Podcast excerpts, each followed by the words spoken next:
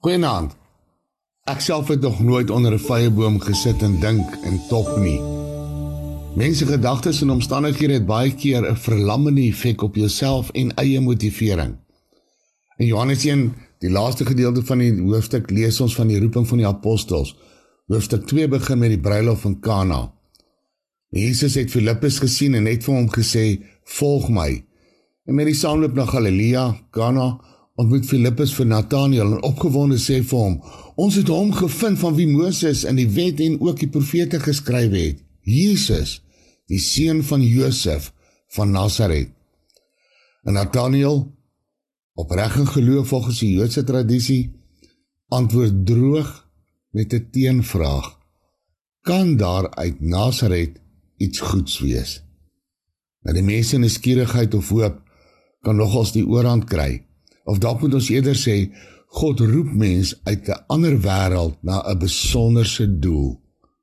Nathanael was so oorrompel.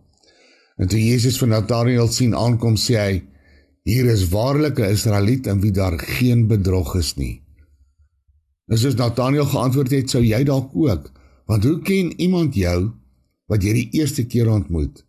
Jy sal weet hoe draai en dartel stories rondom mense en hulle doen of late maar Jesus ken hom. Het God dan nie elkeen wat hy roep en liefhet, sy naam in sy handpalm geskryf nie?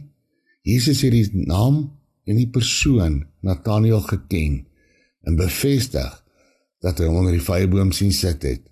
Het jy al so 'n ontmoeting met die Here, Here gehad? Hy wat vir jou ook sê, glo jy omdat ek vir jou gesê het ek het jou onder die vyeboom gesien? Jy sal groter dinge sien as dit.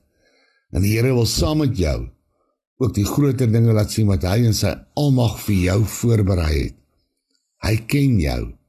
Hy roep jou en hy stuur jou.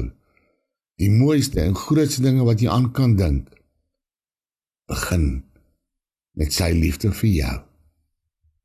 Lekker slaap. Amen. Nag sê Here.